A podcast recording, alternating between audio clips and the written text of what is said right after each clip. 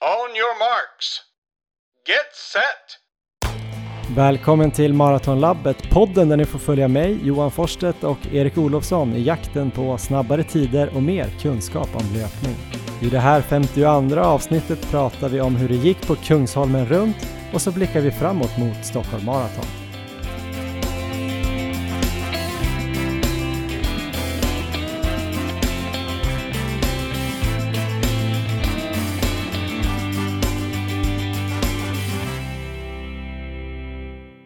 God kväll Erik Olofsson, välkommen till avsnitt 52 av Maratonlabbet. God kväll Johan, tack så mycket. Trodde du att det skulle bli 52 avsnitt? Um, nej, det kan jag inte säga. Efter första avsnittet trodde jag skulle bli ett avsnitt. Men uh, nej, det har ju det har rullat på. Vi kämpar på. Ja.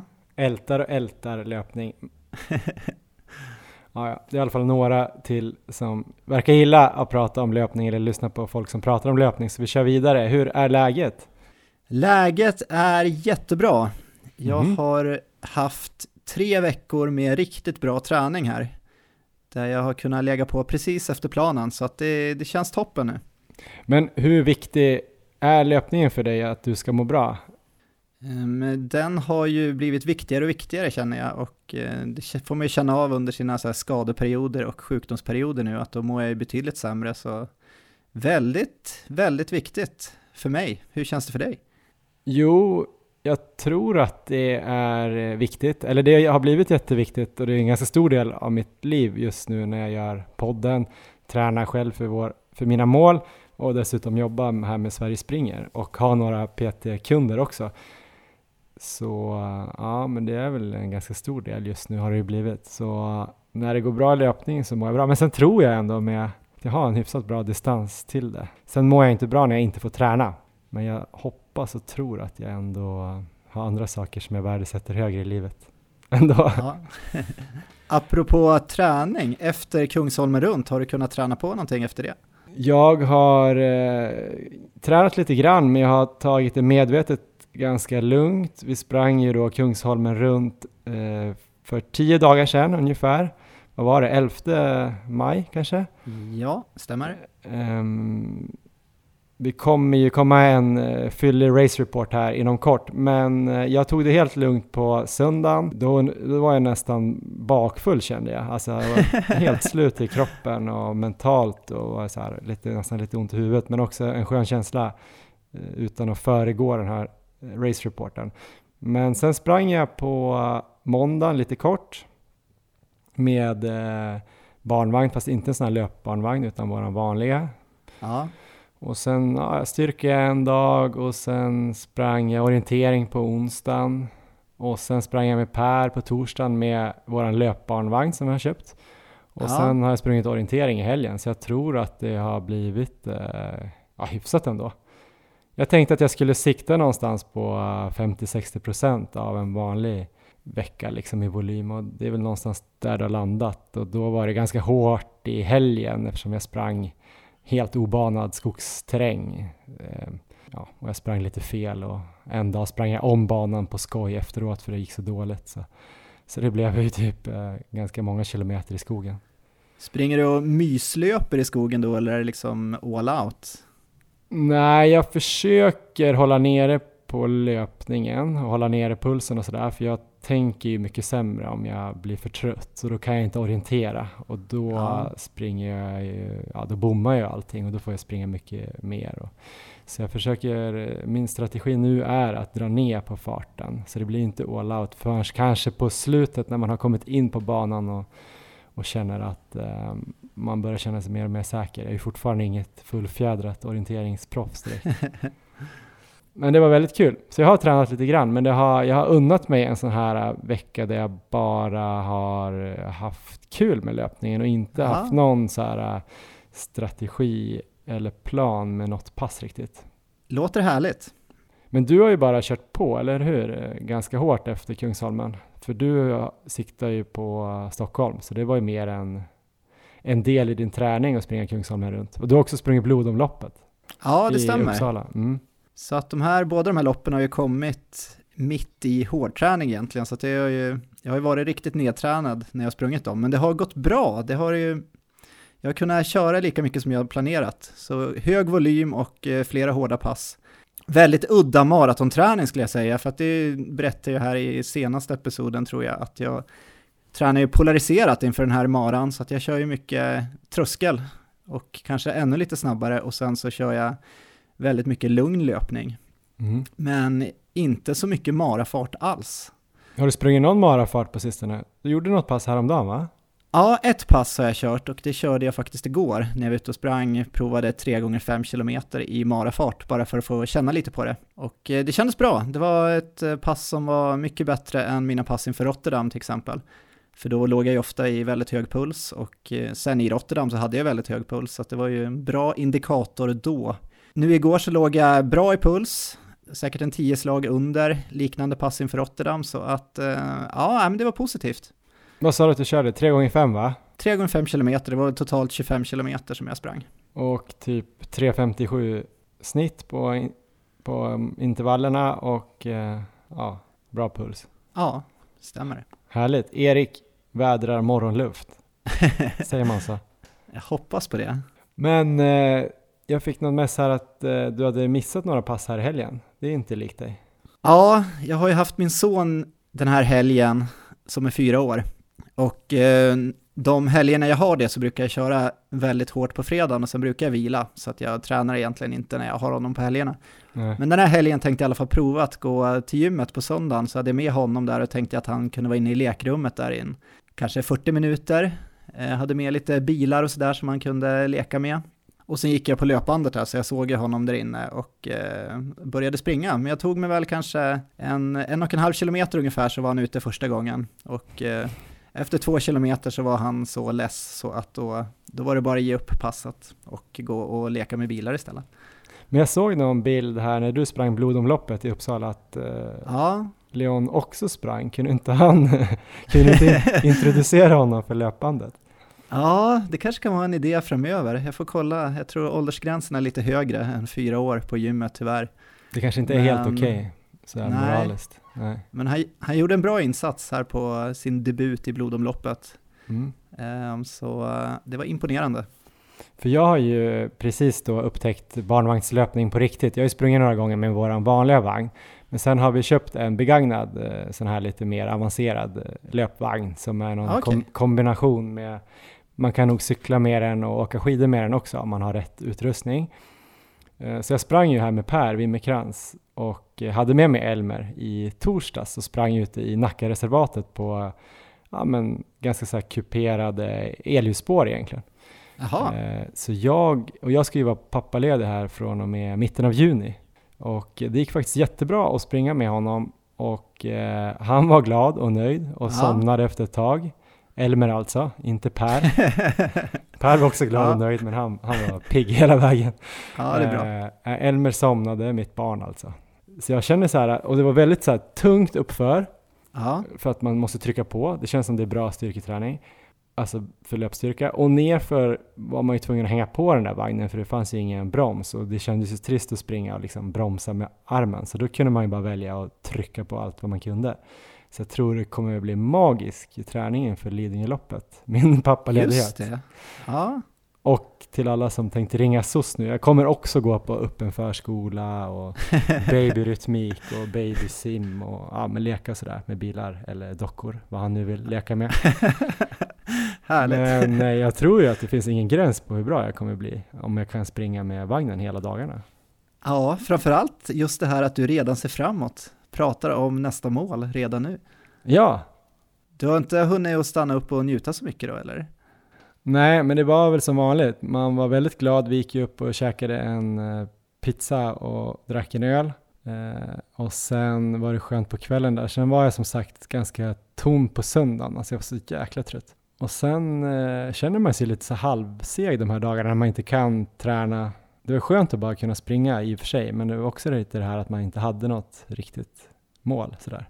Ja. Fast det har jag, jag börjar bygga upp det nu, men det kommer vi kunna ta sen. Men vi ska ju snart komma in på den där uh, race-reporten också, alldeles strax tänkte jag. Men annars då Erik, Den här fjällresan tänkte jag på. Vi introducerade ja. ju en fjällresa i förra avsnittet och vi la också upp en, ett Instagram-inlägg här i fredags, va? en vecka sen när det här släpps.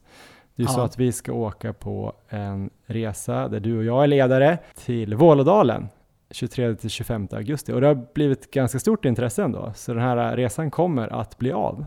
Ja, jättekul. Hur känns det? Det känns fantastiskt roligt att se fram emot det här. Det finns fortfarande platser kvar förresten för de som eh, är lite sugna men som inte har anmält sig. Vi kommer ju åka då till Vålådalen och bo där fredag till söndag och eh, springa en massa roliga pass på fjällen och i, i myrar och eh, köra lite styrka och löpteknik och ja, det kommer nog bli väldigt härligt. Det kan bli en del löpsnack då. Ja, det kommer det garanterat bli. Har du några hemligheter du kommer avslöja då kring hur du har blivit som stor maskin? ja, det kommer jag ha. Eh, men jag får hålla på dem då till vi är på plats. Ja, precis. Det är skitdumt att berätta dem nu. Ja, så vi, vi kör så. Ja, men vi lägger upp något mer inlägg här eh, om vi inte har gjort det bara här igår eller förrgår. Kolla in på vår Instagram där vi heter Maratonlabbet och så mejlar ni oss på maratonlabbet gmail.com om ni vill hänga med på resan.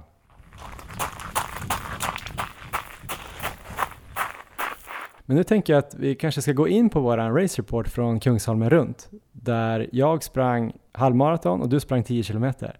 Mitt lopp var ju mitt stora mål här för våren. Jag skulle försöka springa under 1.20 och det gick ju bra. Det gick fantastiskt bra och eh, jag tycker väl så här att vi börjar baklänges. Jag sprang ju före dig, men vi kan väl börja med ditt lopp i alla fall. Ja, men det kan jag väl ändå vara värd eftersom det var mitt stora mål och du bara körde det som eh, träningspass typ. Ja. Men du var ju där och kollade, för ditt lopp gick ju före som sagt. Och hur upplevde du loppet? För det skulle vara intressant att höra. Vi har inte snackat så himla mycket om, eller nästan ingenting alls om loppet. Bara lite snabbt, hur kändes jag, tyckte du? Ja, men efter mitt lopp så gick jag upp där till starten som är alldeles bredvid målet i princip. Och eh, jag stod ju så här eh, mitt där, det går som två vägar då. Så att jag stod ju där mitt emellan eh, alla som värmde upp egentligen. Det var riktigt riktigt roligt att stå där och kolla, för det kom fram väldigt många löpare och eh, snackade där, duktiga löpare och eh, eh, du sprang förbi med din farthållare. Just det. Ehm, så att jag fick snacka lite med er och eh, Nej men det var ju, alla såg väldigt laddade ut och eh, fokuserade. Du pratade ju dessutom lite, till skillnad mot Frankfurt till exempel när det var helt tyst inför det loppet, så att du kändes lite mer avslappnad den här gången. Du sa inte så mycket, men det var ändå, man kunde, man kunde ha lite kontakt med dig. Du såg, du såg glad ut. Ja, men jag var ganska glad. Jag var ganska avslappnad på sätt och vis. Jag Aha. hade ju typ, eh, ursäkta att jag tog över nu, men jag tänkte att det är kanske är lika bra att jag berättar hur det var. eh, men eh, det var typ två dagar innan så kände jag lite så press. Jag vet inte om det var yttre eller inre press. Jag tror det var från mig själv. För jag kände Aha. att jag var i så pass bra form så att då blev det nästan som en press att det här måste jag nu få ut på lördag. Ja. Så då blev man lite så här nervig. Plus att det är såklart man, eh, ja vad ska man säga, när man pratar om det så himla mycket i en podd och skriver om det i varenda inlägg, då blir det ändå en viss press utifrån också, även om, ja, ja du fattar, folk förväntar sig ju ingenting, men man känner ju ändå att man inte vill misslyckas. Ja. Men sen var det nog på fredagen där så lyckades jag bara vända alla negativa tankar till positiva. Hade du negativa tankar? Nej, men uh, det finns ju alltid någonting ah. kanske att man tänker att ja, jag borde kanske ha sprungit något längre pass i mara eller halvmarafart. Jag hade ju som mest sprungit, uh, ja jag sprang ju två gånger sex i halvmarafart och sådär. Men jag sprang inget så riktigt långt i 10-12 kilometer eller 15 till och med. Ja, innan. Så det var lite så här, ja men det, du vet, man börjar tänka det kanske jag borde ha gjort. Och, så här. och sen på torsdagen hade jag lite så ont i huvudet hela dagen och så. Aha. Men eh, på fredagen så lyssnade jag på någon, lyssnade på någon så här mental träning inför lopp och så hörde jag den här Kjell Enhager, det är någon känd så här mental coach som har jobbat mycket med golfare och även med näringslivet. Och då snackade han någonting om att eh, så här, default i huvudet är att en tredjedel av alla tankar kring en viss grej man ska göra är positiva och två tredjedelar är negativa. Okej. Okay. Alltså det är så. Mm. Eh, egentligen inprogrammerat. Jag vet inte om det här stämmer, men han sa det i alla fall. Och då är ju mental träning mycket att eh, då rikta sin uppmärksamhet mot den här tredjedelen som är positiv. Just det. Och sen glömma de här andra två tredjedelarna. Så det är också lite att man springer på ett lopp och man känner att man börjar få ont i knät. Men det känns kanske jättebra i vaden. Ah, Då ska man ju fokusera på att fan vad bra det känns i vaden. Ah. Så då började jag tänka lite så och det funkar väldigt bra faktiskt. Så på lördagen var jag ändå ganska så här äh, övertygad om att jag skulle klara det men att jag också kände så här att jag skulle kämpa. Att jag visste att jag skulle bli trött men jag skulle bara springa igenom tröttheten.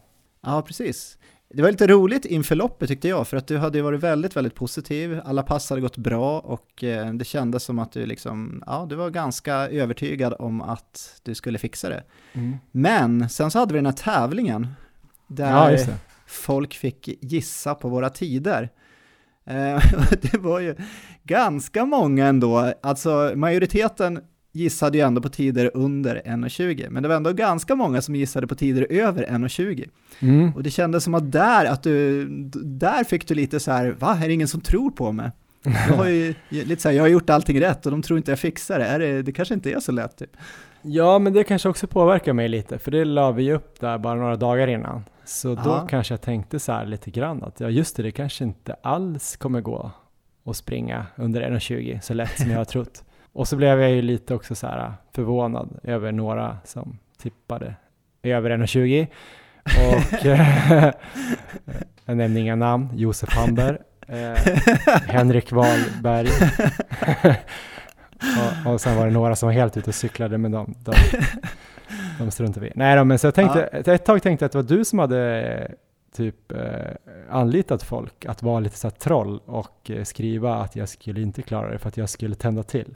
Ja, det hade varit en bra strategi. Nu var det inte så, men Nej, kanske. Men det, fick, det var både så här, det fick mig dels att tänka så här, aha, men jag kanske inte har det i mig, jag kanske inte har tränat så bra, men det fick också mig att tänka så här, jag kommer inte bara kunna ställa in skorna, utan jag måste nog ta i. Så det var både bra och dåligt skulle jag säga. ja. Men på lördagen kände jag mig ganska övertygad om att, att jag var i bra form och sådär. Och som du sa, det ska vi verkligen nämna här, och han kommer ju faktiskt vara med lite i podden, Kristoffer Lås. Jag fick ju en hare där just det. typ en egen hare till slut. Det var alltså en kille som hörde av sig på vår Instagram. Han heter Kristoffer Lås. Jag kände faktiskt inte till honom så bra innan, men det borde jag såklart ha gjort. Han springer för Fredrikshof och har liksom på tre år eller något blivit superbra och har gjort halvmaran tror jag under 1.10. Han skulle hara en kompis i sin klubb och frågade om vi ville hänga på och det var ju bara jag som skulle springa halvmaran så jag sa ja, absolut. Men sen Ja. lämnade hans kompis för hinder. Så då blev det min hare plötsligt. Sen blev Ja. ju ett gäng runt mig, typ Per Wimmerkrantz, ehm, din kompis Olof Norlén heter han va? Ja, Eh, vinexpert Alf Tumble just och eh, även någon till Fredrikshov-kille. Så vi var ett gäng där som hängde ihop eh, stora delar av loppet. Skönt Sen gäng. sprack det upp e- efter ett tag. Ja, verkligen, verkligen. Det var skitkul ju. Men, ehm, ja. Men vi kanske ska komma in på loppet nu, för annars kommer vi hålla på till i övermorgon. Ja, vi får göra det, tror jag. Jag vet inte vad jag ska säga riktigt, men eh, det startade ju väldigt, väldigt kontrollerat. Alltså första 500, det blev det en liten rusning. Vi kanske var nere på 3.30 fart, men sen ganska snabbt så hamnade vi i 3.45, vilket ju Ja. också var tanken första fem kilometerna som var ganska lätta. Eh, 3.47 är ju då under 1.20, Just det. 3.47 minuter per kilometer. Men sen så höll vi ju det väldigt stabilt skulle jag säga. I alla fall första 8-9 så låg vi där runt 3.45. Sen sprang vi väldigt fort en kilometer till eh, tian där, för där var det ju nerför, det var mycket folk, jag tror folk blev lite inspirerade. Så vi varvade Ja. ju på 37-35 eller någonting, vilket ju också var inofficiellt pers på milen för mig. För jag har ju aldrig sprungit eh, snabbare än 38.04 eller vad jag hade på cyklaloppet i fjol. Nedtränade i och för sig, men Ja. så det var ju rätt mäktigt. Och känslan då vid 10? Ja, det var ju att det hade gått väldigt lätt, att jag hade sprungit väldigt avslappnat och flutit med egentligen nästan hela varvet. Eh, Det kändes superbra. Jag hade nog inte ansträngt mig allt för mycket, tyckte jag själv. Ja. Och där stod ju faktiskt jag och Emma och Elmer bland annat och Ja, tittade. ja men där fick jag ju eh, bra pepp. Vid milen tror jag, kanske lite efter där. Ehm, och då såg det ju väldigt bra ut. Du sprang Mm. där bakom, eller bredvid, Kristoffer Lås Mm och eh, vinkade till publiken och ja, det såg ju jättebra ut. Olof var lite före tror jag och Per var lite före också, men eh, ganska samlade. Ja men eh, då blev det ju lite uppsprucket i våran lilla klunga där, för då, som du sa, Olof och Per stack eh, iväg lite grann och fortsatte, det här, fortsatte den här farten som vi hade fått upp i nedförsbackarna där. Medan jag ropade liksom på lås bara 37-35, det är lite snabbt så här. Vi, vi stabiliserar det här nu på 3.45 igen. Alltså eh, mellan 10 och 15. Ja. Samma varv då för de som inte har sprungit Kungsholmen eh, runt någon gång. Så det, 10 till 15 var alltså samma som 0 till 5. Så jag lyckades ändå tygla min atletiska hare ja, och så vi hamnade in där i den där farten igen. Och då kändes det så här, men håller jag det här och mår så här bra till 15 då kommer jag ju fixa det. Och då hade vi redan där lite extra sekunder också. Ehm, så jag kände väl att eh, det gick ganska bra, i alla fall till 13-14. Sen kom det ju en liten uppförsbacke. Tyckte ändå att jag tog mig upp för den ganska bra, fick bra pepp av lås där. Eh, då var det ju mest jag, Alf Tumble och Kristoffer Lås. Alf Tumble, alltså han som skriver om vin och han har vinpodd och ja, allmänt skön. Han, eh, han var ju riktigt stark i uppförsbackarna faktiskt. ja okej. Men sen tyckte jag att vi flöt ifrån honom lite grann nerför, men han kämpade sig ikapp där, så det var typ vi tre som jag kommer ihåg det. Ja, Eh, då hade vi ju de här andra kanske en halv minut före oss, så när vändningen där vid sex, då mötte vi dem. vid 16 eller? Ja, precis, förlåt, 16. Men dit kändes det väl bra, så då kom jag ihåg så här, men nu är det bara fem kvar. Och då såg Ja. jag att eh, nu är det ju nästan lugnt att springa fyra fart resten och klara 1.20. Och det kände jag ju att då var jag ganska säker på att eh, det här kommer jag ju fixa. Så då började jag väl kanske drömma lite om att kunna gå ganska långt under 1.20. Men jag var ju fortfarande, där var jag ju trött ändå. Ja, För sen vände vi upp där och det började bli så här väldigt knixigt och uppförsbackar mellan typ 6,5 och 8,5 skulle jag säga och lite gruspartier där det var ganska svårt att få fäste känner man. Eller nu är man ju väldigt känslig liksom men, men jämfört med asfalt så var det lite så här rullgruskänsla. just det, just det. Och lite vind där så jag gick in bakom lås där någon gång. Och, men jag vet inte, vi kom ikapp Malin Starfelt vid 17-18. Nu sa jag nog 6,5 och 8,5 igen, men jag menar ju såklart 16,5 och 18,5. Ja, Eh, Starfelt hade vi ju sett nästan hela loppet. Hon låg ju, hon låg ju tryckt framför oss lite grann. Men då kom vi ikapp henne hon hängde på oss ett tag. Eh, Men sen vet jag inte, sen gick det ju nerför igen och så, ja men det gick bra bara Erik. Det, gick, det Ja. kändes bara bra. Sen den här parken man springer igenom, jag tror det var 18, typ sista uppförsbackarna där. Då stod ju Jonas Lundmark, eh, våran kompis som har gjort eh, sub 2.50 va, på maraton, men haft lite skadeproblem. Han var ju med i fjällen, det var ju honom vi sprang med i fjällen i fjol. ja precis. Så stod han där med Elin och barnen och skrek. Eh, han hejade ju på oss båda varven där och det var ju riktigt eh, skönt att ha honom där för det var ju nästan ingen publik där borta. Det enda då som var lite dåligt var att han skrek det ser jävligt bra ut, bara fem kilometer kvar.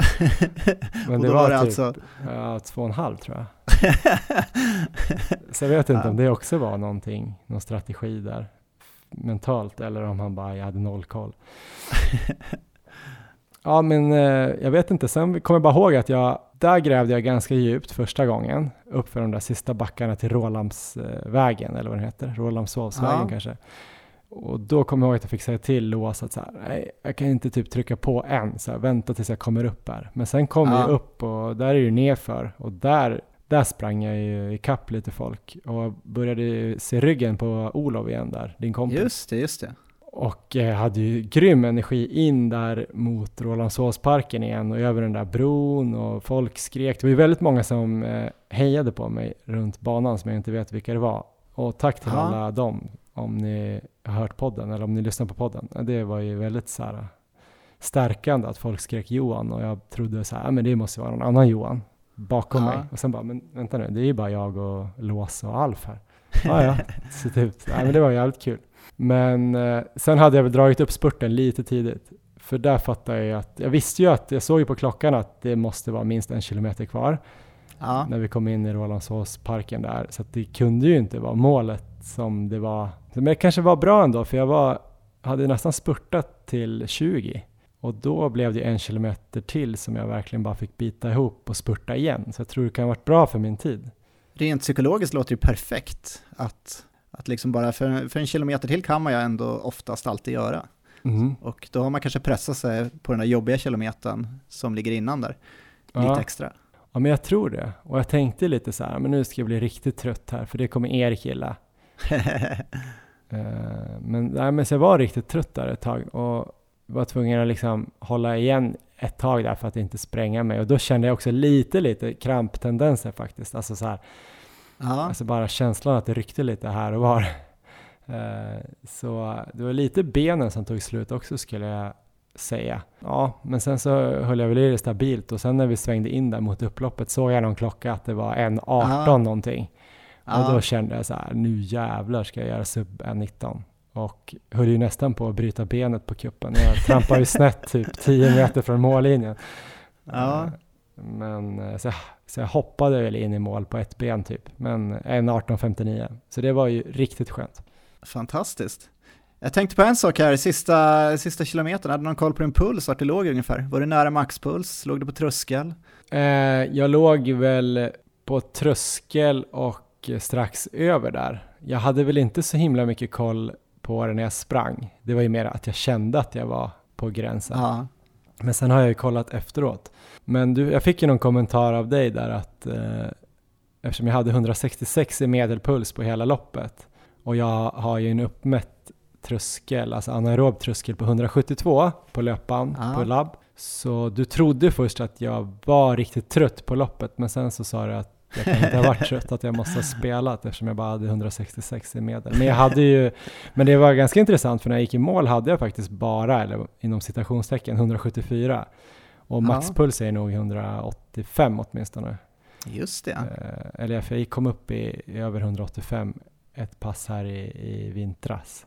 Eh, så att jag vet inte vad det säger riktigt eh, om mig. Jag kunde nog inte trycka på mer, men om det var benen som satte stopp eller om, om det var något annat. Vad tror du? Um, alltså jag vet inte, du kanske inte helt enkelt kan springa så fort att du kommer upp i maxpulsen med ditt löpsteg eller sånt där. Jag har ju väldigt lätt att komma upp i slutet av loppen i nära maxpuls, men jag har ju ett betydligt sämre löpsteg. Jag vet inte om det...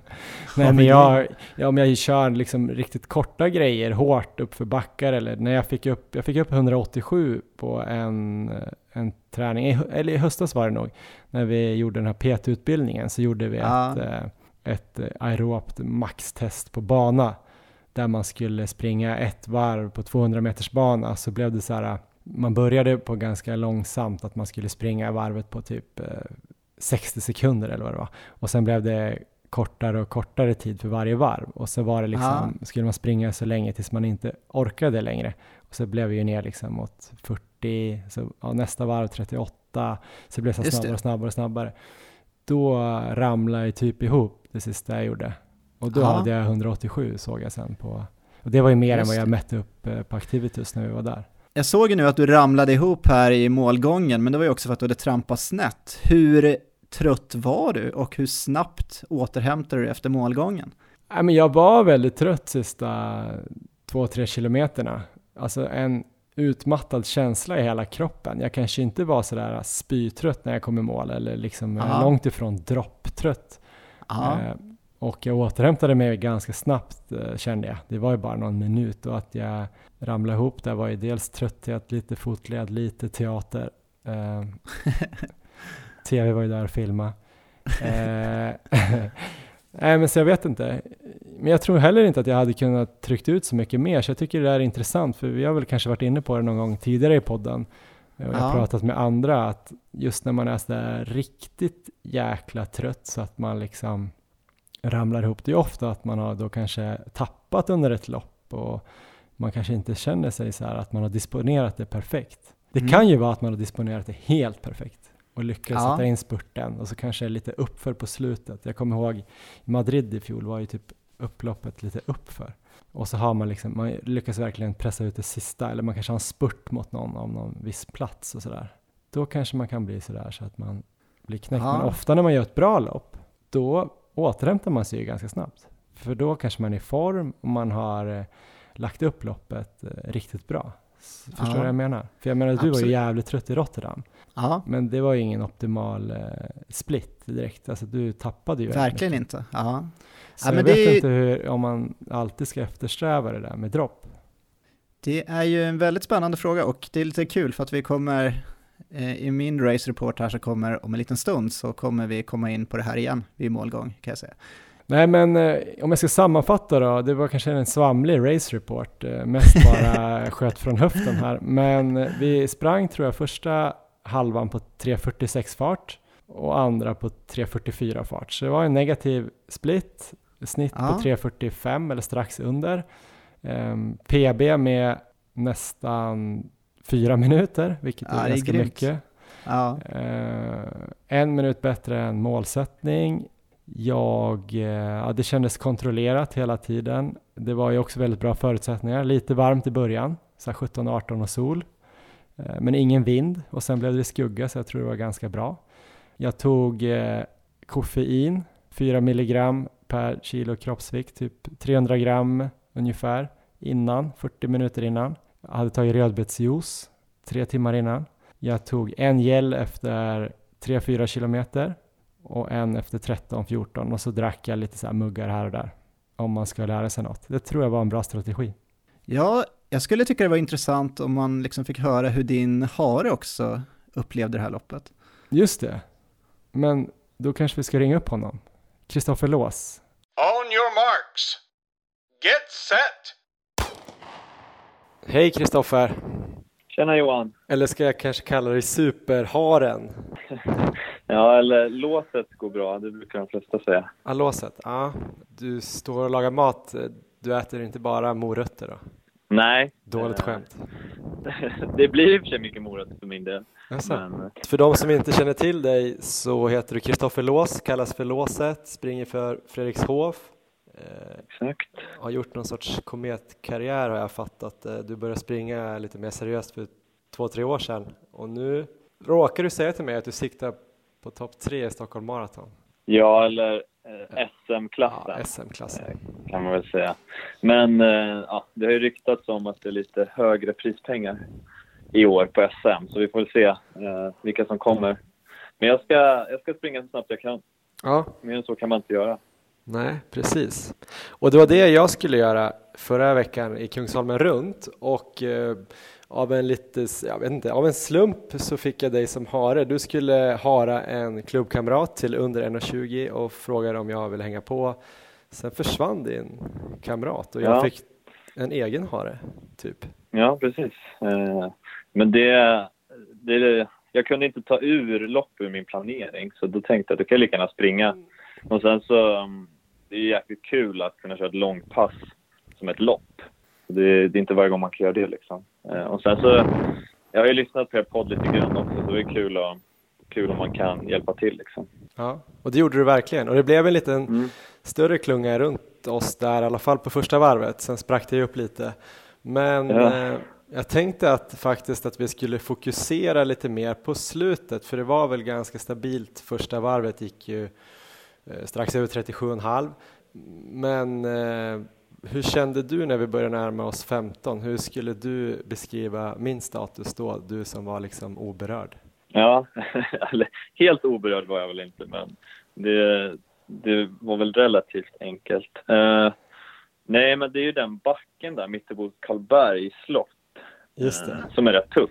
Eh, så där, där var det väl, då fick jag pusha dig lite och säga liksom att vi får inte tappa för mycket i backen här, men sen så flyter vi på efter ändå bra liksom. Eh, och det tyckte jag att eh, du höll uppe steget väldigt bra i backen. Sen när man vänder bort mot, ja, längst bort där i Hornsbergsstrand, Just det. så påbörjar man ju någon slags knixig bana med lite svängar och backe och någon stolpe mitt i vägen som var lite oklar, tyckte jag, på ett läge. Eh, och där kommer jag ihåg att du, du ville att jag skulle springa exakt 45 grader snett framför dig för att ta maximal vind. Jag vet inte om du kommer ihåg det? Jo, precis. Fram förbi Ja. tennishallen. Ja, där. exakt. Ja men där var det så här, du missade att blocka vinden lite grann och jag orkade inte flytta mig efter dig så jag ropade på dig. Ja, exakt. Ja. Eh, Men vi, vi höll ju bra fart där faktiskt. Och hela vägen uppför också så tappade vi inte mycket alls. Så vi kom ju fatt eh, Malin Starfelt där Just det. också, eh, på gruset sen. Mm. Så du, du såg stark ut, men det var väl där du började känna... Ja, man hörde lite på flåset. Mm. Det började bli lite tyngre. Men det lät i alla fall som jag tog i då eller? För, Ja, verkligen. Ja, vad bra. Det det. Men ändå, ändå kontrollerat. Sen så man, man springer lite nerför sen när man varit uppe där vid, eh, om det heter Kristinebergs slott eller vad det kan vara.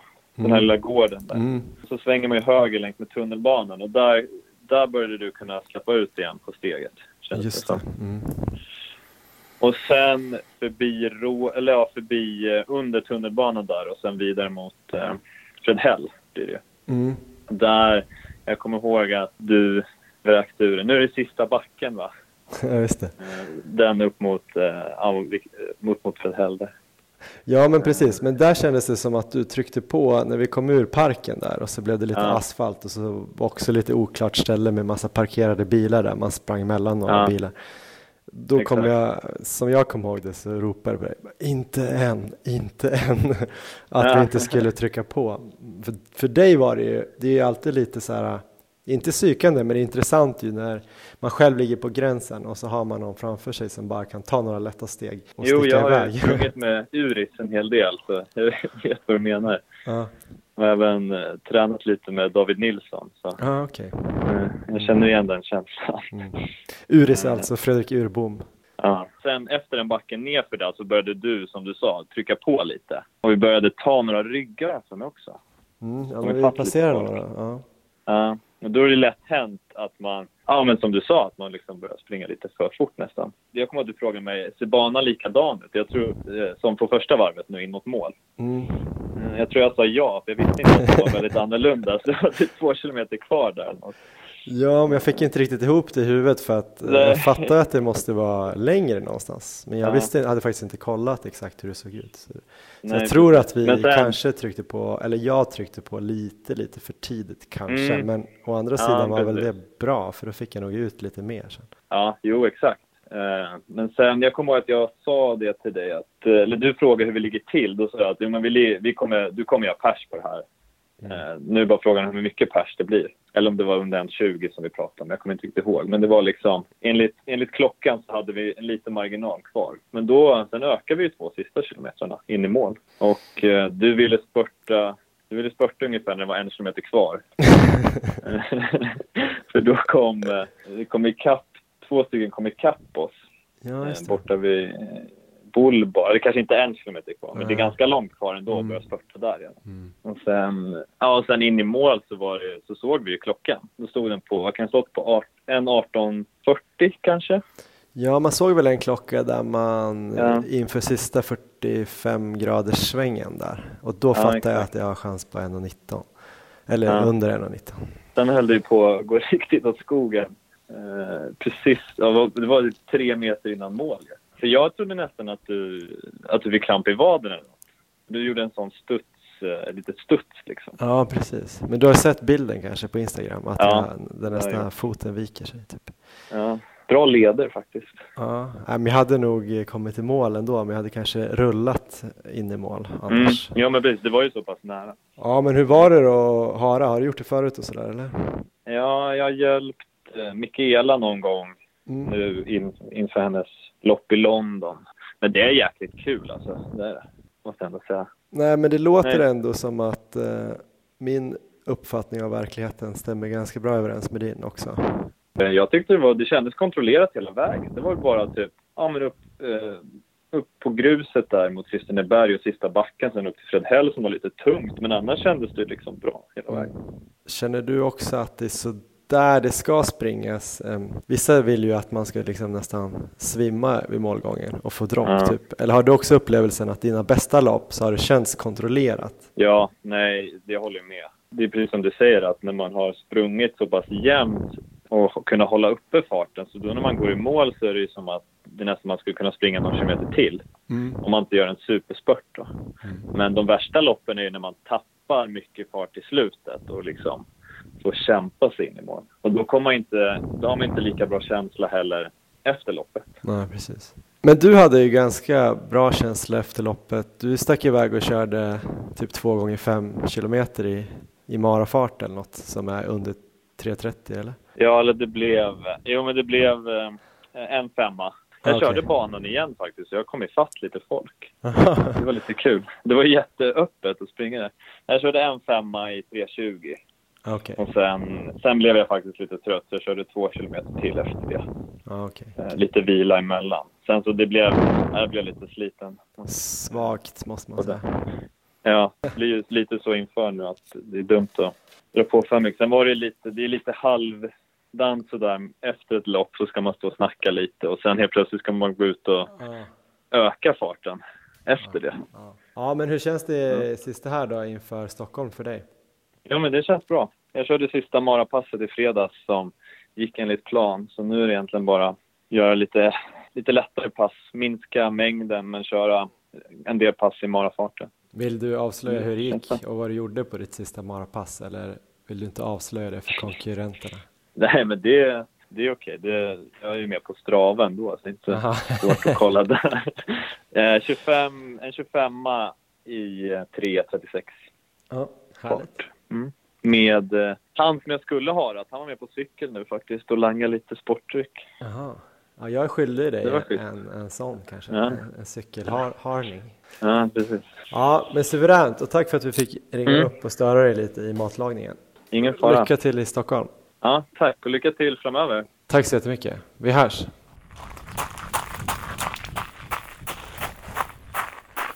Ja men det där var alltså superharen eh, Kristoffer Lås, Fredrikshof IF. Han frågade faktiskt nu om jag skulle hara honom i Stockholm Marathon. Vad tror du om det? Hur länge tror du att du skulle hålla? Ja, jag vet inte, vad skulle han kilometer? ligga någonstans 3.30? Ja men fem kanske. Ja, Nej men väldigt trevlig kille och eh, se till att heja lite extra på honom under Stockholm Marathon. Mycket bra hare i alla fall. Erik Olofsson, ja, du sprang också förra lördagen och du sprang 10 kilometer. Hade du någon hare? Ja, men det är roligt att du frågar Johan, för det, det hade jag inte på förhand. Men jag hittade en hare strax innan start. Jaså? Och eh, även min hare sprang för Fredrikshov. Så vi får ta- tacka dem lite extra idag. Men vad är det? Var det maratonfarsan? Det var inte, jo men det var det ju, maratonfarsan, precis. Jag sprang Mhm. ju på, eh, redan innan starten när jag värmde upp där så sprang jag på Kristoffer Hiding, maratonfarsan Mm. på Instagram. Och eh, snackade lite med honom. Eh, han är ju en otroligt duktig löpare som har väl sprungit tror jag på 32 på milen. Så mycket snabbare än vad vi är. Men han har ju haft väldiga skadeproblem så att han är ju just tillbaka efter en skadeperiod på så här en sex månader eller något sånt där tror jag. Men han skulle i alla fall springa med några klubbkompisar och de berätt, eller han berättade ju då att de skulle sikta på att springa sub 35 precis. Just det. Så eh, snitt då 3.30 tempo. Och det har ju varit mitt så här mål för året att försöka springa, eller ett mål då, inte huvudmål, men ett mål att springa sub 35 på milen. Nu trodde väl inte jag att jag riktigt var redo i det här loppet för det, med tanke på att jag är mitt inne i en hård träningsperiod. Just. Och eh, formen hade väl inte riktigt känts som det, men när de då sa det så kände jag väl lite att det här är nästan lite för eh, bra för att vara sant. Eh, jag var lite inspirerad av att du hade fått en hare och så tänkte jag att äh, men nu, jag, jag, jag testar, jag går med dem där från början så får vi se hur det känns. Det är också roligt här, för den här race reporten, alltså jag hade ju inte pratat så mycket om min, eh, mitt lopp heller, men jag vet ingenting om det här loppet, mer, mer än sluttiden och sen såg jag det i starten typ. Ja, precis. Ja, men, men du hittade ett gäng där, ni drog iväg i 3.30 direkt eller var det ännu snabbare i början? Ja, vi var väl en, eh, de var väl en fyra, fem stycken där som jag hängde på i alla fall och eh, första kilometern då kändes det som att vi sprang jättesakta. Eh, folk sprang om oss från alla håll i princip, eh, men efter en kilometer så hade vi ändå sprungit på så här 3.26. Så det var nog bra att jag låg med dem då, för annars hade jag kanske kutat på lite extra också, för det kändes som att man verkligen sprang och höll igen. Andra kilometern så var det lite roligt, för då gick de till och med upp ett tag så här i V-formation. Mhm. Så det var lite som Breaking 2 kändes det som, att man var, jag kände mig lite som Kipchoge där. Var jag, Och du bakom i mitten eller? Ja, det var jag och en kille till som låg bakom i mitten, så låg de så här tre stycken framför där en bit. Ehm, och eh, den kilometern gick väl också på 3.26, så det gick ju, det gick ju snabbt. Eh, Men det tre- var det vi pratade om lite grann innan, att du skulle kanske inte gå så där jäkla snabbt i början. Men Nej. gjorde du det? Min plan på förhand var ju att ligga i 3.30 de här två första kilometrarna just för att det gick lite nerför och då tänkte jag att det kan nog vara lagom. Men här hamnade jag ju snabbare än planen. Ehm, och eh, på, om man säger tredje kilometern då börjar jag ju verkligen få känna att jag inte är Kipchoge.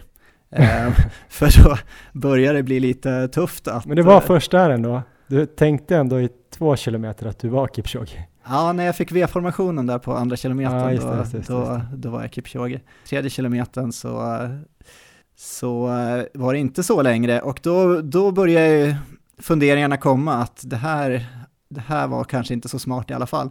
Den kilometern gick i alla fall enligt min klocka också någonstans där på 3.26, 3.27. Och då var jag, kände jag att nu är jag tvungen att ta ett beslut hur jag ska göra det här för att då börjar det bli riktigt jobbigt. Ehm, och eh, pulsen började bli ganska hög. Så då bestämde jag mig för att jag är nog tvungen att släppa. För kommer jag hänga på det här ett tag till så kommer det bli riktigt, riktigt tufft. Mm. Men de stack vidare i den, den farten då? Ja, det gjorde de. Och jag, det var inte så att jag släppte mycket, men det var ju sakta så blev ju luckan Mm. större och större. Och sen så började jag gå lite uppför där vid 4-5 kilometer. Ehm, så jag såg dem ju en bit framför fortfarande, men jag tappade väl lite i fart då, så jag kanske låg någonstans runt eh, 3.36, 3.37, något sånt där. Ehm, och där låg jag väl sen ganska bra tyckte jag. Ehm, det rullade väl på ganska bra. Vad hade du efter fem kilometer då? Efter fem så eh, låg jag fortfarande så att jag i snitt skulle springa under 35, men det var inte så stor marginal och jag hade ju definitivt tappat i tempo. Så någonstans 17.20, 17.25 typ? Eller? Ja, 17-25 kanske, mer något sånt. Mm. Om jag sticker in en fråga här innan du fortsätter. Ja, Du var alltså riktigt trött eh, efter tre kilometer? ja, Det började du börjar bli. känna så här att du börjar redan tänka på att hur ska du göra nu? mm. Mm, när tycker du att det borde börja kännas så? Om du skulle varit ett optimalt lopp, om du förstår vad jag menar. Jag tänker på den här Kent Claesson-intervjun vi har haft tidigare och sådär. ja nej men det, det är mer van vid kanske att det börjar bli vid 6 kilometer, att man får den känslan och att man då får Okej. pressa sig riktigt hårt mellan 6, Mm. 7, 8. Nu så här efterhand har jag lite så blandade känslor att, eh, ja, hur, egentligen bara en mental fråga också, hur, mycket, hur länge man klarar av att plåga sig. Mm. Ehm, för jag hade ju kunnat gå med ett tag till, jag vet inte hur det hade slutat då, men det hade varit ganska intressant om jag hade kört på den taktiken istället. Då hade jag antingen kanske sprungit lite snabbare eller så hade jag väggat totalt. Vad hände sen då? För det var ju samma bana då som du sprang, som jag sprang. Eh, till sex var det väl ganska lugnt, men sen som sagt 6,5 till 8,5, knixigt och lite kuperat. Ja, precis. Och jag tror det var vid 8 kilometer någonstans, jag låg ju ganska själv väldigt länge, men vid 8 kilometer så såg jag eh, en tjej framför mig som sprang väldigt snyggt och med så här fint löpsteg. Ehm, och eh, insåg väl när jag kom lite närmare att det var Lisa Ring som sprang där framme. Mm. Ehm, så det kändes väl som att hon var ute och körde en så här marafartspass ungefär. Såg superlätt ut. Ehm, och jag kämpade som ett djur där bakom. Men det var, det var inspirerande för då kände jag att ja, men, eh, då försöker jag ligga ungefär i hennes tempo här och försöka, ja, man hade en rygg att liksom gå lite på där. Men hur såg sista kilometern ut sen då, när du kunde, när det blev utför och sådär? Ja, först den här backen som kommer innan man blir utför, då, då stannar hon i backen i alla fall och jag vet inte om hon knyter skon eller fixar strumpen eller sådär. Så då kom jag lite närmare och då kunde jag verkligen liksom få häng så att det var ganska tacksamt. Så jag öste ju på då nerför sista backen där sen så att jag kom ikapp henne där eh, strax innan man svänger av till upploppet. Och eh, för mig var det lite annorlunda mot hur du beskrev det, för du hade ju ställt in det på att målgången skulle vara lite tidigare och sen fick du Mm. springa en kilometer extra. För mig var det tvärtom, för att jag hade ju sprungit halvmaran tidigare för många år sedan. Så jag tänkte ju att man skulle göra hela den där rundan där i Rålambshovsparken. Men jag inser väl där när jag kollar på klockan att ah, men så kan det nog inte vara. Så att jag kanske började så här ösa på lite för sent egentligen. Men jag drar på en spurt där i alla fall med en eh, 400 kvar eller något sånt där och eh, när jag springer om Lisa så där så tänker jag i alla fall att jag ska försöka tacka lite för draghjälpen och sånt här så att jag, eh, jag försöker säga någonting där men eh, Du dunkar ner ryggen här. efter typ så här eh, 9,5 kilometer och med nästan maxpuls så är det lite svårt att säga så mycket så att det blir mer typ något så här litet bröl och sen så springer jag förbi med dålig teknik så att det ser väl ut som någon så här um, skadeskjuten älg eller något sånt där som kommer springande förbi bara. Sen så öser jag på in mot målet och eh, går väl i mål och känner väl ändå den här känslan av att att eh, ja, men jag fick nu ut det jag hade idag så här att det kändes ju, ja, det känns som att jag spurtade på bra och jag, ja, det var nog det här jag kunde göra. Um, och det känner jag ungefär i kanske två sekunder, tre sekunder. Sen så ser jag där på marken ligger maratonfarsan, Kristoffer Hiding. Mm. Mm. Och det är som att om du tänker att någon har kommit fram efter att han har gått i mål och sen slagit honom med så full kraft i magen. För han ligger där på sidan, han får ingen luft. Alltså det ser helt så här sjukt ut. Okay. Och han hade gått i mål då på 35.04, så en halv minut innan mig ungefär. Och han är ju normalt kapabel att springa på 32, så det var väl lite det att han har varit borta länge och sådär, kommit tillbaka. Men just den förmågan att eh, ta ut sig så mycket var bara otroligt imponerande. Jag har, eh, ja, så att jag kände ju där när jag liksom står och försöker ja, peppa honom lite efter loppet, när han fortfarande ligger och bara försöker få luft och jag står där och eh, ja, ändå är ganska oberörd så kände jag att fan, jag borde ju, det är så här jag ska se ut. Nej men jag tänkte också på det lite grann, alltså det är ju såklart sådär att ibland när man är väldigt trött är det ju för att man har disponerat loppet fel kanske, så det är inte något man vill eftersträva. Men det kan ju också vara det där att man på något sätt kan gå in sådär djupt i den mörka zonen som du brukar prata om. Ja. Som faktiskt kanske kan ta fram en halv minut eller något. Ja. Eh, och jag tänkte faktiskt lite på det under loppet eller efter loppet. Att om det är någonting jag skulle kanske behöva träna lite mer på så är det kanske så långa tröskelpass eller tempopass där man ligger verkligen på tröskel en längre tid och, och liksom lär sig hantera det där mentalt, att smärtan, att det gör liksom ont, kanske gå över tröskel också, ha något sånt pass då och då. Eller att man tävlar mer helt enkelt och, och vänjer sig vid den här känslan så man vågar gå in där ordentligt. Och det har ju tydligen han lyckats med. Ja, verkligen. Det var en sån här tankeställare i alla fall. Sen så hade det kanske varit dumt i det här loppet för mig som inte var något A-mål egentligen då, att ta ut med så mycket. På tal om Kipchoge då, som du kände dig som första två där. Ja. Eh, hur såg han ut när han satt världsrekord i Berlin? Um, han såg ju helt oberörd ut vid målgången, sprang, sprang in och hoppade i famnen på sin tränare typ och uh, ja, såg ut som att han var ute och joggat. Tror du han kunde ha gjort bättre om han hade legat som Hiding då? Ja. Eller tror du att det var ett bättre lopp? Jag tror han kanske hade några sekunder till att plocka ut. Det kanske kommer. Han kanske har någon sån världsrekordbonus också, så han inte vill slå det så mycket som Sergej Bubka typ, som slog det med en centimeter, stavhoppsrekordet varje år, eller varje tävling typ. Ja, men spännande, men det måste ju ha känts bra, eller vad tycker du? Hur rankar du 35-38 som det blev? Ja, det var ju pers med över en minut, så att jag är jättenöjd med den tiden det kändes, kändes väldigt bra. Sen så kanske jag hade kunnat lägga upp loppet lite smartare och eh, gå ut lite lugnare och hållit lite bättre, men det var nog inte så mycket mer det fanns att hämta. Du gjorde ett långpass där på söndagen och sen under veckan där så sprang du ett till millopp i Uppsala, blodomloppet. Ja. Bara lite kort, eh, hur gick det där då och eh, vad var känslan då jämfört med Kungsholmen? Ja, det var fem dagar senare så sprang jag blodomloppet i Uppsala och då sprang jag på 36.22 så det var väl inte lika snabbt. Eh, det kändes bra i det loppet, jag tyckte jag, jag startade även där lite snabbt första kilometern men jag tycker jag höll bra hela loppet men det gick bara inte lika snabbt. Och jag tror väl banan, banan var det nog mycket, det var mycket springa på grus och ganska knixigt men, eh, men det kändes bra. Låg du som Kristoffer Hiding då i målet sen? Nej, det gjorde jag inte då heller, så att äh, jag, är inte, jag är inte där än helt enkelt. Jag har inte riktigt den förmågan. Ja, men det var en väldigt härlig dag i alla fall med eh, två pers med ganska god marginal och eh, mycket folk som vi fick prata med och eh, en härlig stämning helt enkelt. Delar av den här eh, dagen finns ju också på i Sverige springer, programmet eh, om löpning som ju sänds på Sportkanalen men också finns på sverigespringer.se. Avsnitt 5 kan man se lite mer eh, av mig där jag springer runt i det här vallinnet. Det fantastiska vallinnet som faktiskt växer på mig för varje gång jag använder det. Härlig blå färg på den här valen tycker jag. Jag tycker det var dags för vallinnet att göra tv-debut. Nej men riktigt kul och eh, vi hade ju också en tävling en eh, tävling som faktiskt blev väldigt uppskattad tror jag. Väldigt många gissningar i alla fall på våra tider i de här loppen. Man kunde ju då vinna en startplats i Kungsholmen runt nästa år om man gissade rätt på min tid, vilket eh, Mattias Willim, nej, Willim, Willim. Kan du uttala det där efternamnet? Mattias Willim. Mattias Willim, om han heter Willim. Det kanske står för något annat. Nej, men jag tror han heter det.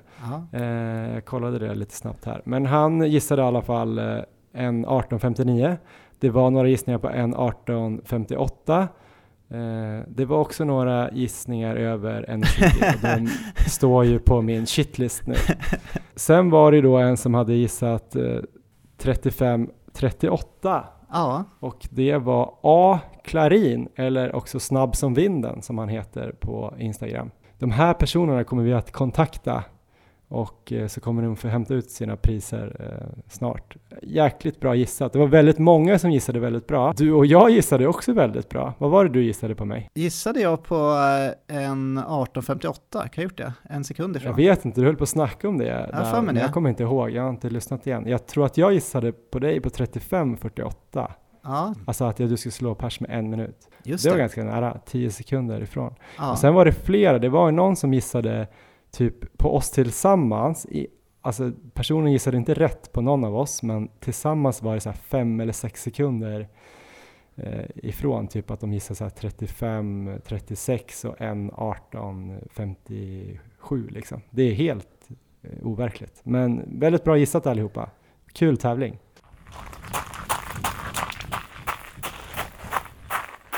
Ja, men nu går vi vidare Erik, för det är väl det man ska göra när man har nått sina mål. Man ska inte njuta, man ska bara kämpa vidare och se framåt. Eller vad säger du? Ja, jag tycker, jag tycker vi, ja men vi gör det. Det låter bra. Okej, ja, nej, jag tycker ändå att man ska faktiskt njuta av det man har åstadkommit också. Eh, men vi kollar lite framåt. Vad händer härnäst Erik? Du har ju nämnt här flera gånger att de här loppen som du har sprungit inte var några prioriterade mål, utan det är väl ändå Stockholm Marathon som kommer här nästa vecka. Hur känns det? Det känns väldigt bra. Jag har 11 dagar nu då när vi spelar in till Stockholm Marathon. Jag är lite Mm. osäker hur den här träningen som jag har gjort kommer resultera då i Stockholm. Ehm, Just den här polariserade träningen utan några egentligen långa pass i marafart. Det kan, det kan bli tufft sista milen, det är jag inställd på. Att det kanske blir så att eh, jag inte kommer hålla hela vägen helt enkelt. Så att eh, lite orolig över det. Men sen så har det ju hänt någonting positivt som ändå gör att jag känner mig väldigt förväntansfull. Och det hände ju här igår faktiskt. För att jag har ju haft en liten sån här intern kampanj här i, har pågått ett par veckor nu när jag har försökt att rekrytera dig Johan till farthållare på Stockholm Marathon. Springa där en, sådär en 20-25 kilometer i fyra tempo tänkte jag att du skulle springa. Du har varit lite så här tveksam eh, av olika anledningar. Och en, en stor anledning var väl att du ville inte egentligen finansiera det här loppet när du inte skulle springa i mål. Ehm, Ja, det kostar väl ändå tusen spänn eller något. Ja, men nu var det ju så bra här att igår så fick vi in ett erbjudande på Instagram om en kille som tyvärr var skadad, men eh, erbjöd dig platsen om du sprang som farthållare. Mm, intressant. Och det här erbjudandet kommer alltså från Patrik Tornsten, eller kanske Törnsten, som tyvärr inte kan springa själv. Så jag tänkte höra nu om vi kan få ett klartecken här för farthållare. Men det känns ju som återigen här någon sorts komplott.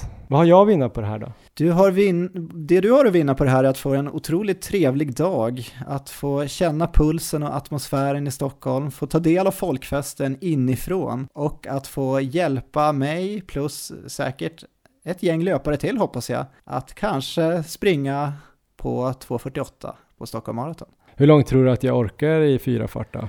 Jag tror du orkar eh, 42 kilometer drygt, men jag tror inte du kommer springa det, utan eh, tanken är väl att du kanske ska springa en 20-25 tänker jag. Någonstans där. Och sen så får vi försöka hjälpa varandra sista biten. Ja, men grejen har ju varit att jag har faktiskt tänkt på det här innan du sa det till mig första gången. Jag har försökt slå bort den tanken, för jag tänkte att det skulle vara roligt, för jag har ju inte tränat för att springa en mara i vår, och, utan jag har ju siktat på Kungsholmen och sen har jag tänkt att springa några millopp. Och jag ska springa söder runt, är det tänkt, den 8 juni, som är en vecka efter eh, Stockholm. Och då kan jag ju inte springa för långt och för hårt. Eh, jag vill inte helt enkelt äventyra ett eh, saftigt PB på milen veckan efter.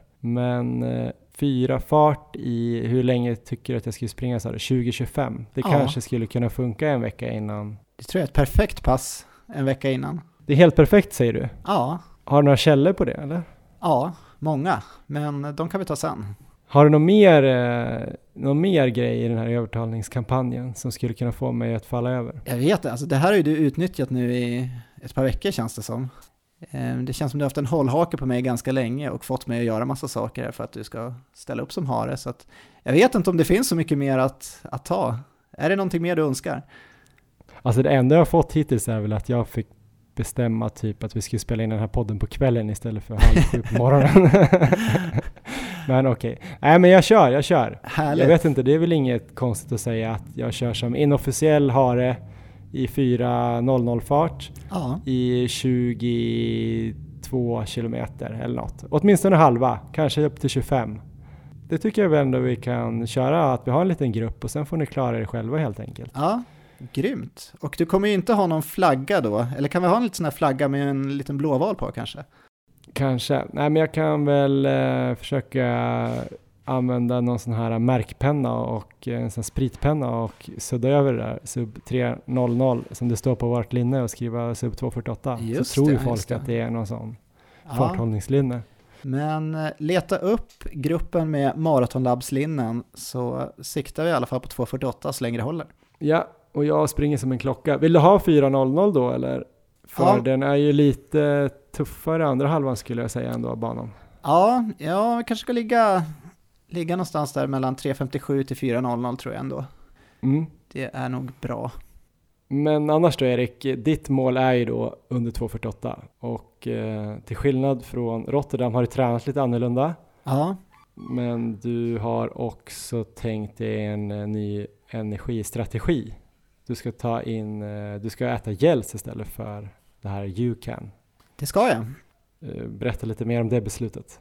Ehm, ja, men det är väl just att jag ser Stockholm som en möjligt, eh, möjligt lopp att testa lite nya saker just eftersom det inte är något direkt A-mål för mig. Och då känns det som en, en, en bra tillfälle att prova gels och se om, se om det känns bättre än eh, U-Can helt enkelt. Nu står jag och velar lite fram och tillbaka här om jag faktiskt ska ta U-Can också och sen så försöka fylla på med gels andra halvan eller om jag ska bara gå på gels hela vägen. Så att det är väl, eh, det är väl ungefär det jag, de funderingarna jag står inför just nu. Har du hittat någon uh, gel som du tycker funkar? Du behöver kanske inte nämna produktnamnet om du inte vill. Ja, jag har beställt hem en, en gel, eh, ett paket här som jag har testat mina långpass. Jag var ganska inställd på att den skulle vara absolut vidrig så som jag minns gels. Mm. Eh, men jag har provat den här och eh, det, ja, nu, vi är ju inte sponsrade av något företag på något sätt, du behöver inte ens nämna vilken det är, men den är ja, otroligt, otroligt god.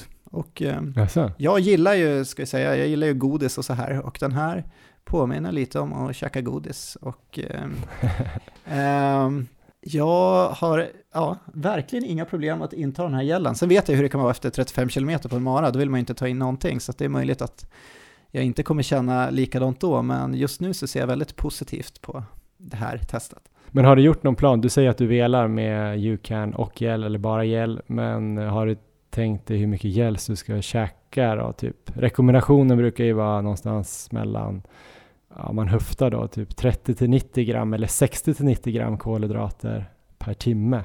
Har, Ja. Vart har du tänkt att lägga dig?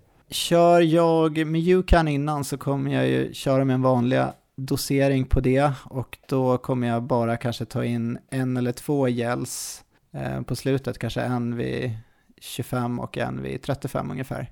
Ehm, så just nu kanske det är det mest troliga upplägget. Går jag på gels hela vägen så tänkte jag att det, då får jag ta ett snack med dig för det känns som du är expert inom det så att då, då tycker jag du kan berätta för mig här hur du tycker jag ska lägga upp det. Ja, men jag tycker att du ska sikta, nu vet jag inte om du har testat då innan så du kanske inte ska sikta riktigt högt men eh, du ska ju få i dig då åtminstone 150 gram kolhydrat tänker jag. Vilket Ja. då borde vara, om man tänker att en sån där gel är ungefär 25 gram. Ja. Det är lite olika, olika storlekar på förpackningarna och, och märken och sådär. Men det blir ju ändå sex gels då som du skulle kanske börja trycka i dig ja, egentligen efter fem kilometer. Och sen eh, blir det väl då, ja det kanske blir så här 12,5, 20, ja du fattar, 27,5, 35 och så. Men få in i ett jämnt tempo där. Eh, och så dricka lite vatten till det bara. Ja, Det gjorde jag i Frankfurt, funkade väldigt bra för mig. Mm. Jag tror det är den bästa rekommendationen, ärligt talat. mm. Ungefär eh, 6-7 gels om man springer runt tre timmar och eh, ta en ganska snabbt och sen ungefär var 25 minut. ja så det är ju tanken med energiupplägget i alla fall. För det var ju också någonting som hände idag faktiskt. Vi fick en fråga på uh, våran gmail, maratonlabbet.gmail.com angående just UCAN och Superstarch. Vi kanske inte kan gå igenom allt här, men den här, uh, det du har ätit tidigare, det är en uh, kolhydratblandning, en stärkelse, någon, någon, någon korn, va? eller vad heter det? Majsstärkelse som ska Upphettad majsstärkelse. Ja, som på något sätt då, man ska ta det innan och sen ska det gå ut eh, den här energin då, kolhydraterna i blodet under en lång period och man ska ju inte få såna här insulinspikes och så. Ja. Och sen frågade han eh, doseringen där, för tydligen så hade du sagt att du tog två skopor Ja. och så skickade han en bild på innehållsförteckningen och då var ju varje skopa 22 gram kolhydrater med 90 gram kalorier. Men det är ju inte, eller det är ju två olika saker. Kalorier är ju mått på eh, mängd energi och eh, kolhydrater är ju kolhydrater, en energikälla. Så att fett kan ju också vara kalorier eller proteiner kan vara kalorier. Så då började jag fundera på, vänta nu, har Erik bara fått i sig 44 gram kolhydrat? Det är ungefär en fjärdedel av rekommendationen. Ja. Inte undra på att du i sådana fall har bonkat i Rotterdam. ja. För jag fattar att du klarar dig i Frankfurt, för då låg det ju ändå för dig eh, på en relativt okej fart, tänker jag. Jag hade lite problem med stumma vader, men nu när du gick in eh, mycket över anaerob tröskel i Rotterdam så då kanske du bara fick slut på kolhydrater och så hade du fått i dig för lite. Ja, jag fick ju något meddelande här tidigare idag. Det kändes verkligen, jag kunde se din så här journalistiska ådra. Det var verkligen som att, det kändes som att du hade hittat ett scoop här. Ja, jag var absolut inte skadeglad. Jag var bara så här nyfiken för att det Ja. var så himla roligt. För jag kommer ihåg typ att i något avsnitt Ja, så har jag för mig att du sa att du tog att varje skopa var 90 kalorier ja, och du skulle ta två och det var 180 kalorier. Och då sa jag så här, ja men du menar gram kolhydrater? För det är 180 gram kolhydrater du ska få på tre timmar, alltså Ja. 60 gånger tre. Du sa bara, nej men kalorier. Och så var jag så här, äh, kolhydrater. Och så tror jag vi var tvungna att sluta spela in och sen kom vi vidare på något sätt. Eh, utan att snacka mer om det, för jag trodde fortfarande att vi pratade om samma sak. ja. Nu är jag lite osäker. Så vi måste nästan gå till botten med det här. Vi har försökt lite här under kvällen, men eh, Ja, det var väl inte så enkelt att hitta svaret på det här. Ehm, doseringen var ju i alla fall korrekt här med två skopor. Några åtta skopor var inte aktuellt. Men eh, hur det fungerar Johan, kan du förklara det eller måste vi, måste vi återkomma till det här? Jag tror ju att den där doseringen som de rekommenderar är mycket lägre än vad en optimal dosering är. För jag tror inte att det kan vara så stor skillnad på kolhydrater och kolhydrater. Jag fattar ju att de kan komma ut långsammare i blodet än en sån här riktig sockrig gel. Det kanske finns möjlighet för det. Men du borde ju ha få i dig för lite kolhydrater. Alltså 44 gram kolhydrater från en kolhydratkälla kan ju aldrig bli mer än från en annan. Så att det låter ju som att det är för lite, men jag ska inte svära på det. Men jag hörde ju någon podcast där om med någon vetenskapskvinna som eh, ifrågasatte ganska mycket kring eh, UCAN och deras eh, vetenskap och marknadsföring. Så vi får väl se eh, vart det där landar. Jag tycker typ att du ska gå på gel om du nu tycker att den där var god. För jag Ja. tror att du, det kommer vara ett mer säkert skott. Ja, det var jättegoda. Jag ser dem här bredvid mig. Jag är lite sugen på att ta en nu faktiskt. Men jag ska spara. Men om ni vill höra mer om energi och eh, energiintag så kan ni lyssna på några av våra eh, gamla avsnitt från förra året. Eh, det tror jag, vi snackade energi inför Stockholm Marathon i avsnitt 21. Eh, avsnitt 20 pratade vi om den nya banan då, som var ny i fjol, men det är ju samma bana i år.